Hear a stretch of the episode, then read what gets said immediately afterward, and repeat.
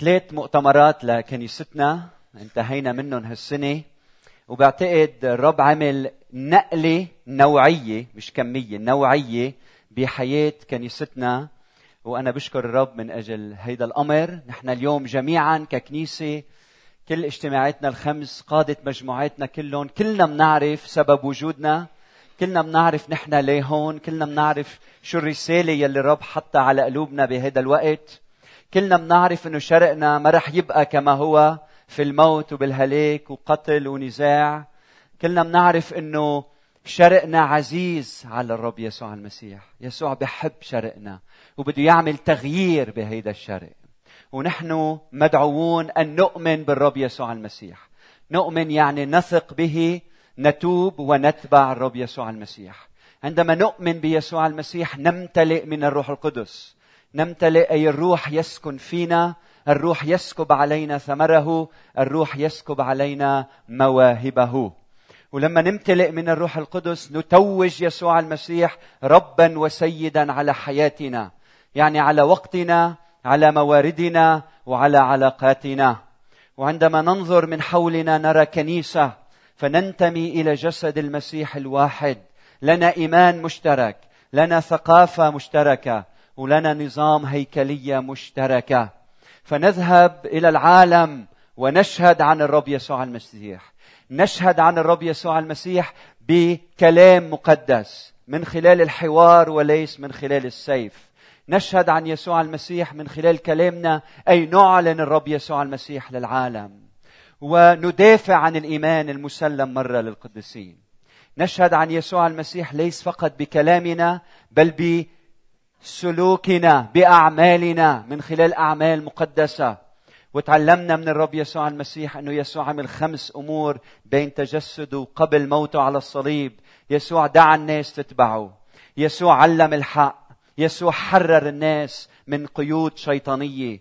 يسوع شفى الجسد واهتم بالجسد ويسوع صلى من أجل التلاميذ ومن أجل العالم. ونحن بنشهد عن الرب يسوع المسيح لما بنروح على العالم وبنعمل نفس الأمور. بندعي الناس تتبع يسوع. بنعلم الحق. منحرر النفس والعواطف. المؤيدة بسلطان الظلمة. ومنشفي ومنهتم بجسد الناس. وأكثر من هيك منصلي من أجل بعضنا البعض.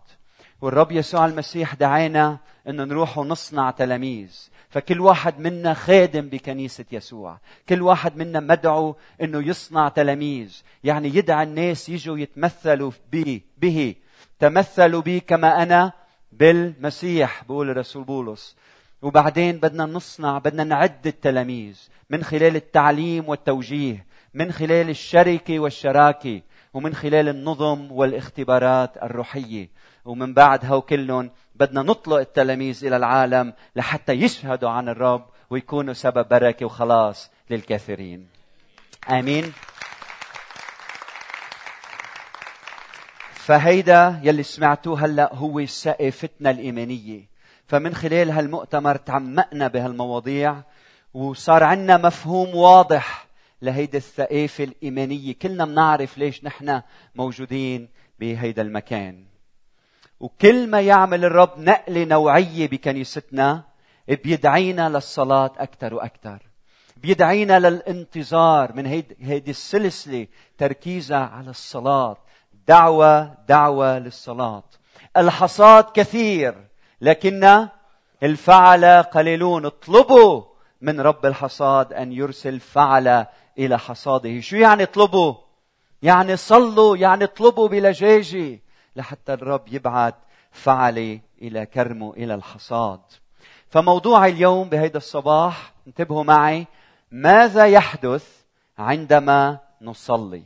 ماذا يحدث عندما نصلي؟ افتحوا معي الإنجيل بحسب بشارة لوقا الفصل الثالث رح أقرأ العدد 21 والعدد 22 لوقا 3 21 22 ولما اعتمد جميع الشعب اعتمد يسوع أيضا. لاحظوا اعتمد فعل ماضي شيء حدث وانتهى. ومن بعده في نقطة. وإذ كان يصلي هيدا عمل مستمر كان يصلي هذا فعل مستمر. وإذ كان يصلي شو صار؟ انفتحت السماء. ونزل عليه الروح القدس بهيئة جسمية مثل حمامة. وكان صوت من السماء قائلا أنت ابن الحبيب بك سررت. أنت ابن الحبيب بك سررت. سؤالنا بهذا الصباح ماذا يحدث عندما نصلي في ثلاث أمور بتحدث؟ بدنا نحفظهم مع بعض. أول أمر بتنفتح السماء. الأمر الثاني بينزل الروح. الأمر الثالث يتكلم الله. أمين. عندما نصلي ثلاث أمور بتحدث. اولا تنفتح السماء. اثنين ينزل الروح. ثلاثة يتكلم الله. تنفتح السماء. شو بتعني تنفتح السماء؟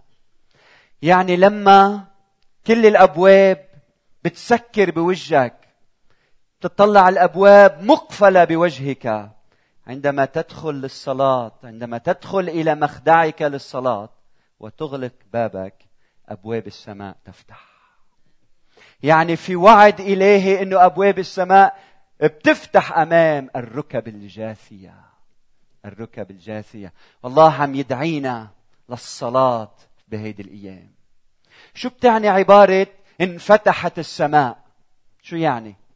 شو بتعني انفتحت السماء؟ هيدا تعبير مجازي. هل بتعني يعني السماء الزرقاء هيك انشقت وفتحت من محلها؟ شو يعني انفتحت السماء؟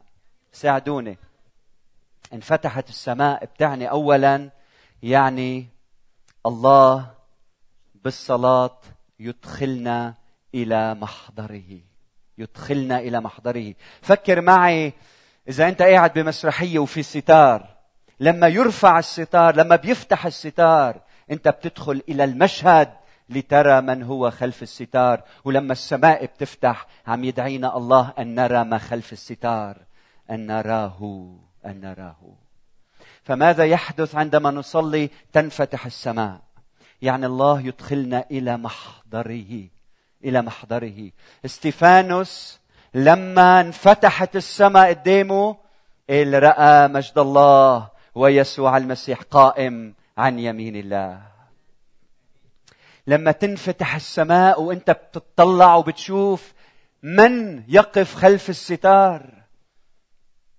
ببطل في شيء على هالأرض بلمع. لما انت تدخل وتشوف شو في بمحضر الله بتصير مثل المرآة بتعكس جمال السماء بين الناس. لما انت بتدخل إلى محضر الله بيرفعك بالروح وبتكبر. فوق هموم ومشاكل هيدي الدنيا وكل شيء بيصغر بعينيك وبتتكمش بهالإله. إن كنتم قد قمتم مع المسيح فاطلبوا ما فوق حيث المسيح جالس. اهتموا بما فوق لا بما على هذه الأرض. لما بتصلي بتنفتح السماء. لما بتصلي بتنفتح السماء وهيدي العبارة موجودة بالكتابات القديمة القديمة هو تعبير مجازي يعني لما بتفتح السماء يعني الله يتحرك ليعلن ذاته للإنسان. وتصور معي مشهد ساحة كبيرة والشعب موجود والملك بمملكته وبيفتح الباب. شو يعني بيفتح الباب؟ يعني هلأ الملك بده يطل. ولما بتفوت لتصلي ملك الملوك بيطل عليك. ويشرق عليك. هللويا. لحتى يحكي معك. لحتى يعلن ذاته لإلك. لحتى يعطيك شيء. وهلأ السؤال شو بينزل علينا؟ شو بيعطينا؟ نار وكبريت؟ ابراميل وصواريخ؟ اللي بيعطينا؟ الروح القدس. الروح المحيي. الروح الذي يجدد وجه الأرض. الروح الذي يروي العطشانين. يروي العطشانين. هلا عندي مشكلة. المشكلة هي كم من مرة نحن منصلي ومنحس إنه السماء ما فتحت. السماء مسكرة صح؟ منحس إنه كأنك عم بتصلي وصدى عم يرجع الصوت لعندك. كأنه السماء مسكرة دينيها. ما بتواجهوا هالمشكلة؟ وين الحل؟ شو الحل؟ بيقول كاتب المزمور داوود بالفصل الخامس. اسمعوا لهالكلمات المهمة. بقول لكلماتي أصغي يا رب تأمل صراخي استمع لصوت دعائي يا ملكي وإلهي لأني إليك أصلي. يا رب بالغداة تسمع صوتي بالغداة أوجه صلاتي نحوك وهلأ أهم كلمة وأنتظر. إذا السماء مسكرة بدي أسألك هل أنت عم بتدق وعم بتفل ولا عم بتدق وعم تنتظر بمحضر الله؟ الانتظار بهذب النفس. الفرق بين العذارى الجاهلات والحكيمات إنه الحكيمات عرفوا سر الانتظار والاستعداد والسهر من أجل إنه تفتح السماء. مثل ما سمعنا الأسبوع الماضي إذا القاضي الظالم بيسمع للجاجة أرملة كمبر حري ملك الملوك ورب الرحمة بيسمع لإلنا لما بنصرخ لإله لكن سؤالي لإلنا هل ننتظر؟ هل فهمنا سر الانتظار أهمية الانتظار بمحضر الرب؟ بعتقد أنه لاهوت الانتظار غيب عن ذهن كنيسة المسيح بهيدي الأيام. بسبب مشغولياتنا واهتماماتنا بالفيسبوك والواتساب والأمور الثانية يلي هي مهمة اجتماعيا لكن بتصير مشكلة لما بتمنعنا إنه نقعد ونهدى بمحضر الله وننتظر انفتاح أو فتح أبواب السماء. النقطة الثانية لما نصلي مش بس بتنفتح السماء، في شيء ثاني بيحدث. اللي بينزل علينا الروح كهيئة بهيئة جسمية مثل حمامة. طيب شو يعني بينزل علينا الروح مثل حمامة؟ ونحن في المسيح ولوقا قصد إنه يفصل بين المعمودية وفترة الصلاة والامتلاء من الروح لحتى يقول نحن في المسيح بنختبر نفس الشيء لوقا كثير بهمه موضوع الصلاة والامتلاء بالروح القدس اتمعنوا بإنجيله وبأعمال الرسل شو يعني إنه بينزل علينا حمامة؟ هل حمامة بتنزل؟ حمامة حقيقية بتنزل؟ هيدا التعبير المجازي المقصود فيه إنه الله لما بينزل بروحه علينا يبدأ معنا بداية جديدة. فكروا معي بقصة الطوفان. عودة الحمامة إعلان رحمة من الله. واعلان أنه الله رح يبدأ مع هذا الشعب بداية جديدة. ولما اجى يسوع المسيح اجى يدشن ملكوت جديد. امتد ويمتد وسيمتد إلى أن يعود له كل المجد إلى الأبد. فلما الروح القدس ينزل علينا لأنه نحن بحالة صلاة وانتظار. تعرفوا شو بيصير؟ بينزل علينا الروح ليقلنا هلا في إلك رجاء جديد وفي أمل جديد وفي بركة جديدة على حياتك وفي انتصار جديد وهلأ رح امحي الماضي ورح أبدأ معك من جديد ورح تعيش مش مثل ما عشت ورح تسلك مش مثل ما سلكت ورح تتكلم مش مثل ما تكلمت أنت هلأ خليقة جديدة هلأ بداية جديدة هلأ صفحة جديدة لأنه روحي انسكب عليك مثل حمامه فالروح القدس لما بيجي علينا بيعطيك أمل ورجاء جديد. كل ما تدخل لتصلي توقع بداية جديدة. بداية غير شكل مع إله رب الغير شكل اللي بيعمل معجزات بحياتنا باستمرار. فنحن مدعوون أن نصلي نحن مدعوون أن نصلي. ولما منصلي بتنفتح السماء. شو يعني بتنفتح السماء؟ بندخل إلى محضر الله. يدخلنا الله إلى محضره.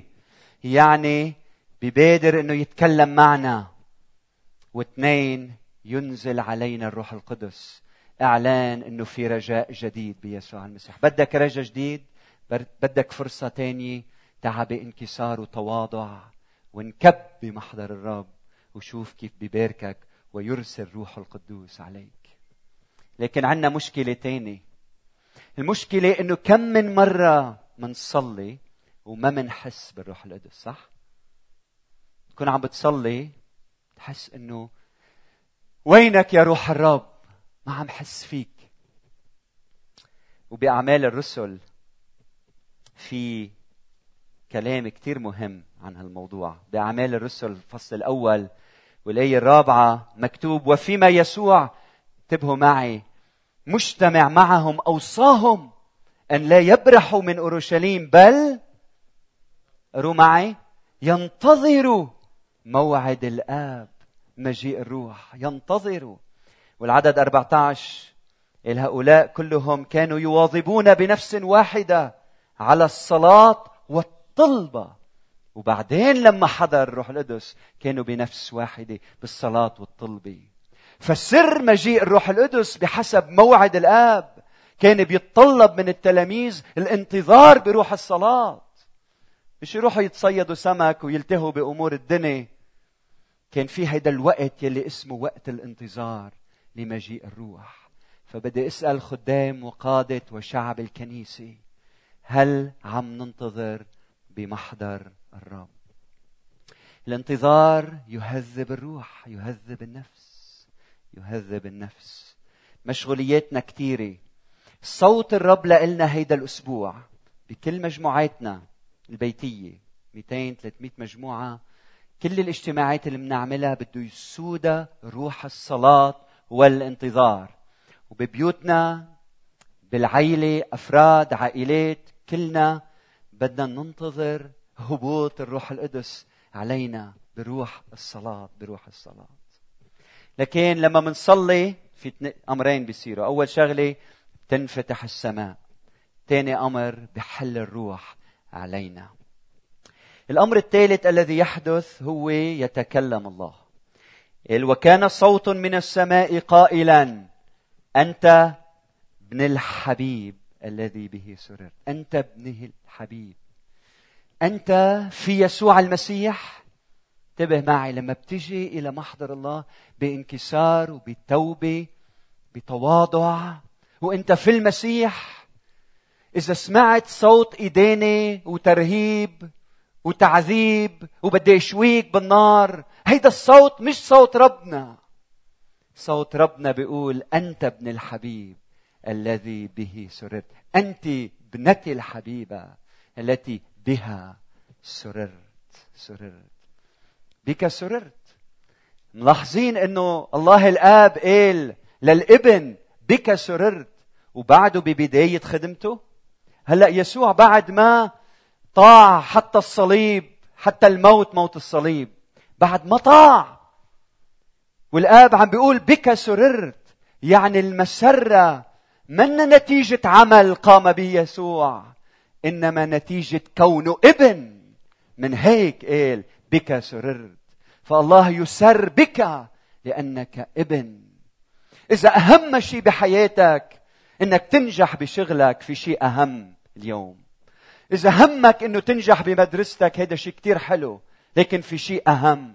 كتير مهم تربي أولادك صح كتير مهم لكن في شيء أهم. كتير مهم إنك تكون ناجح بالمجتمع وبخدمتك واللي بدك إياه وبخدمتك بالكنيسة كثير مهم لكن في شيء أهم. الأهم هو إنك تعرف هويتك بيسوع المسيح. المشكلة انتبهوا المشكلة. إذا إنجازاتك بشكل هويتك مشكلة إذا مركزك بحدد هويتك مشكلة مشكلة إذا مفكر المال اللي بجيبتك هن اللي بيحددوا قيمتك مشكلة مشكلة إذا مفكر إنه الخدمة اللي أنا بخدها هي اللي بتحدد قيمتي مشكلة. ليش في ناس اليوم لما بيخسروا وظائفهم بينهار؟ وليه في ناس اليوم لما بتعطيهم خدمة بيتكمشوا فيها وما عندهم استعداد يعطوها لحدا؟ وليش في ناس بدهم دايما وكل يوم وكل لحظة إبرة تشجيع لأنه من دون هالكلمات اللي بتقول له إياها بينهار. السبب الوحيد هو إنه بعد ما بيعرف قيمته بيسوع المسيح رب السماء عم بيقول لك اليوم أنت ابن الحبيب الذي بك سررت أنت ابنتي الحبيبة التي بك سررت. هل بتعرف قيمتك بيسوع المسيح؟ مستحيل تعرف قيمتك إلا لما تركع قدام الصليب وتعرف شو عمل يسوع من أجلك. لما تفهم معنى الصليب وموت المسيح من أجلك أيها الخاطئ بتفهم قديش قيمتك كبيرة بعيني يسوع المسيح. قديش بحبك حتى المنتهى. رب الكون شايفك ابن شايفك بنته. شو في شيء له قيمة بعد بهالدنيا. عطيوني مركز ولا ما عطيوني؟ سموني الدكتور فلان ولا ما سموني؟ عطيوني خدمة ولا ما عطيوني؟ انت ابن. هل قد انت غالي بعينينه بعيني الرب. فعيش وعارف هويتك بيسوع المسيح. لكن عندنا مشكلة. مشكلتنا إنه أحيانا ما بنقدر نميز صوت الله. مش كل مرة بنكون عم نصلي وشو بيصير؟ وبنسمع صوته. مشكلة. يا رب بدي أسمع صوتك. ما عم أعرف صوتك. شو حل هالمشكلة؟ بدي أسألك هل أنت عم تقعد بمحضره كفاية لتميز صوته؟ هل أنت عم تجرب تسمع صوته بالأماكن الغلط الخاطئة. في مثل كثير مهم لنا هو إيليا النبي. إيليا يلي بواحد ملوك 18 و 19 بتعرفوا نيزل النار من السماء وقتل أنبياء البعل صح؟ إيليا البطل. ومن بعد ما خلص هالمعركة كان مفكر حاله ربح الحرب بس هو ربح معركة وحدة. وبعدين إيزابل بتقول له مثل ما أنت قتلت أنبياء البعل أنا بدي أقتلك. فبيخاف إيليا وبيهرب بيروح على الصحراء بعدين بفوت بيقعد بمغارة. وهونيك الرب بيحكي معه وبيقول له الرب بدي منك تخرج من المغارة وتروح توقف على الجبل أمام الرب. لكن إذا بتتمعنوا بالقصة ولازم ندرسها شي مرة مع بعض بتلاحظوا أنه إيليا لم يطع الرب وما خرج من المغارة وبقي بالمغارة وما طلع وقف على الجبل. وإذا بالرب عابر ريح شديدة قوية تشق الجبال تكسر الصخور. قال والرب لم يكن في الريح. بعدين زلزال خرب الدنيا ولم يكن الرب في الزلزال. وبعدين نار أكلت الأخضر واليابس مثل ما إيليا نزل نار من السماء. بس الرب لم يكن في النار حتى. وبعدين صوت منخفض خفيف نسيم. قالوا إيليا لف وجهه بردائه وخرج ووقف في باب المغارة. وبرأيي النص بيقول إنه لف وجهه علامة عصيانه وعدم استعداده ليسمع ويطيع ويشوف ويسمع صوت الرب. لأنه كان بده ربنا كان هو بده من ربنا إنه يمشي مثل ما هو بده. وكان بده يطيعه على ذوقه. وكم من مرة نحن ما بنسمع صوت الرب؟ لأنه بدنا الله يمشي على ذوقنا. وكم من مرة نحن ما بنسمع صوت الرب بسبب عصيان موجود في داخلنا. كم من مرة ما بنسمع صوت الرب لأنه مفكرين عندنا جواب وعندنا الجواب وبدنا نقول له أعطيني الجواب. يلي أنا بريحني يلي أنا بيرضيني يلي أنا بيعمل لي على ذوقي. الله ما بيتكلم لما تكون مشوش. الله يتكلم في صمتنا. إذا أنت مضطرب ومشوش من الداخل وفي أصوات عديدة بداخلك ما رح تسمع صوت الله لأنه صوت الله مقدس وما بيكبه كيف ما كان. بس لما يكون قلبك مستعد ومقدس نحوه مخصص له لما تكون بدك عم تقول له يا رب بكل تواضع وانكسار وبانتظار. أنا يا رب شو ما تكون مشيئتك مستعد إني اقبلها ساعتها بيفتحوا دينيك وبتسمع صوت الرب. فأنا اليوم بدي أسألك هل عم تسمع صوت الرب؟ الصلاة لما بتصلي الله يتكلم يتكلم إلينا. هل سؤال بعتبره كثير مهم. هل بعده بيهمك تسمع صوت ربنا؟ هل قسي قلبي لدرجة إنه بطل يهمني صوت ربنا؟ هل حياتك ماشي حالها وظروفك منيحة وصحتك منيحة وراضي باللي أنت فيه؟ لدرجة إنه ما بقى بدك تسمع صوت ربنا. قيمة الحياة بالإصغاء إلى صوت الرب. وكنت عم صلي كتبت هالكلمات. قلت له للرب أشعر أننا فقدنا بركة الانتظار في محضرك. أشعر أننا ككنيسة فقدنا بركة الانتظار في محضرك. بدي أدعيكم يا كنيسة يسوع وكل كنيسة إن نصلي في انتظار وننتظر في الصلاة. لما منصلي بتنفتح السماء يدخلنا الله إلى محضره. لما منصلي بينزل علينا الروح حتى يقلنا في رجاء جديد وبداية جديدة. لما نصلي الله يتكلم. انتبه بالختام. الله ما بيفتح السماء لما بدك ولا بيبعت روحه لما انت بدك ولا بيتكلم مثل ما انت بدك. بيدعيك للصلاة والانتظار وبحسب موعده هو ووقته هو. بيشق السماء وبينزل وبيبعت روحه وبيجدد وجه الأرض وبيتكلم لنا ومن له أذنان للسمع فليسمع.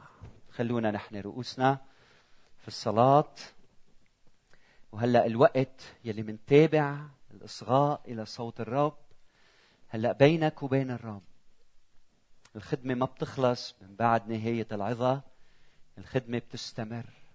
هلأ أفعال طاعة. هلأ تيجي لعند الرب وتقول له يا رب سامحني أنا ما انتظرت.